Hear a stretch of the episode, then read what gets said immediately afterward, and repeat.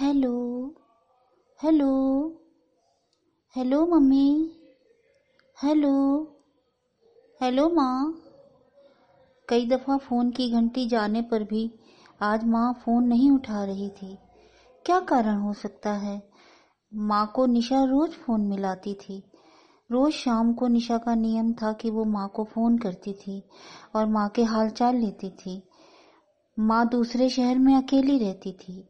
पापा की मृत्यु को लगभग बीस वर्ष हो चुके थे और माँ अकेली ही रहती थी। निशा रोज सुबह शाम माँ को फ़ोन करके उनके हाल चाल लेती थी। आज क्या हो गया है? आज माँ फ़ोन नहीं उठा रही है। निशा का मन घबराने लगा। निशा ने अपने पड़ोस में रहने वाले चाचा जी को फ़ोन किया। चाचा जी, मम्मी फ़ोन नहीं उठा रही हैं। प्लीज़ जाकर आप देख तो लीजिए।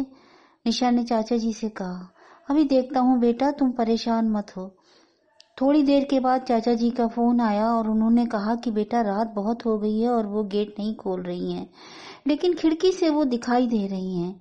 निशा ने फिर फ़ोन मिलाया। बहुत देर मिलाने के बाद बहुत ही कमज़ोर आवाज़ माँ की आई और उन्होंने कहा हाँ बेटा, हम ठीक हैं, कहकर उन्होंने फ़ोन काट दिया। निशा का मन बहुत घबरा रहा था। ऐसा तो माँ कभी नहीं करती है। माँ का स्वभाव थोड़ा तीखा था और वो बहुत क्रोधी भी थी। जब तक पापा थे, वो उनको सहन करते रहे, लेकिन भाई और उनकी पत्नी उनके तीखे स्वभाव के कारण उनसे अलग हो चुके थे। माँ अभी भाई के घर होके आई थी और बस एक ही रट लगाई थी, निशा, अब मैं अकेली नहीं रहूँगी, अब मैं तुम्हारे ही साथ रहूँगी। करीब दो महीने पहले निशा माँ से मिलकर आई थी। चलते समय माँ बड़ी कातर निगाहों से निशा को देख रही थी। निशा बेटा, जल्दी आना। मेरा मन नहीं लगता है अकेले। कहीं ऐसा ना हो कि अकेले ही मर जाऊँ और पता भी ना लगे किसी को। माँ बोली, उनकी आँखों में आँसू थे। निशा ने उनके आँसू पोछते हुए कहा, नहीं माँ, ऐसा नहीं कहते हैं। मैं बराबर आती रहूँगी।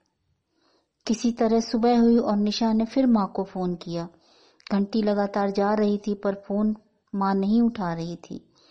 निशा ने फिर पड़ोस में रहने वाले चाचा जी को फ़ोन करके उनके यहाँ जाने को कहा। थोड़ी ही देर में चाचा जी का फ़ोन आया और उन्होंने कहा, बेटा, इनके हाथ पैर ठंडे हो चुके हैं। हम लोग किसी तरह गेट फांद कर अंदर आए हैं। होश में हैं, चाय पिला दी है। तुम आ जाओ बेटा, ज़्यादा समय नहीं है इनके पास। लो बात कर लो। निशा ने हड़बड़ा कर फ़ोन उठाया और कहा माँ माँ, परेशान मत हो। मैं आ रही हूँ, मैं आ रही हूँ बेटा। अरे नहीं बेटा, कोई बात नहीं है। बस जरा जबान लड़खड़ा रही है। शाम को बेटा ज़रूर फ़ोन करना, मैं तुम्हारे फ़ोन का इंतज़ार करूँगी। निशा का मन किसी अनजान आशंका से घबरा रहा था। काम में भी मन नहीं लग रहा था उसका। दोपहर दो बजे के करीब उसने फिर फ़ोन किया। तो उनकी बेटी बोली, दीदी, हम खाना लेकर जा रहे हैं, अभी आपको बताते हैं। थोड़ी ही देर में घबराया हुई आवाज़ में उसका फ़ोन आया। दीदी, आंटी जी नहीं रही। वो बात नहीं कर रही हैं। वो अब इस दुनिया में नहीं रही। आप आ जाइए। निशा को तो जैसे काटो तो खून नहीं। एकदम शब्दहीन हो गई। माँ चली गई? नहीं, ऐसा नहीं हो सकता। वो तो कह रही थी, शाम को बात करूँगी। रोना नहीं रुक रहा था निशा का। माँ अकेले ही मर गई। धिक्कार है मुझे। मैं कुछ नहीं कर पाई उनके लिए। क्या फ़ायदा ऐसी औलाद होने का? किसी तरह से निशा घर पहुँची और लखनऊ जाने की तैयारी करने लगी। रात भर ट्रेन में निशा को नींद नहीं आई। बार बार माँ के साथ बिताए हुए पल उसे परेशान कर रहे थे। बार बार यही ख्याल आ रहा था कि माँ अकेली मर गई। किसी से कुछ कह नहीं पाई। याद तो ज़रूर कर रही होगी मुझे। क्या कहना चाहती थी? माँ की बात माँ के साथ ही चली गई। घर पहुँची निशा तो माँ को ले जाने की तैयारी शुरू हो चुकी थी।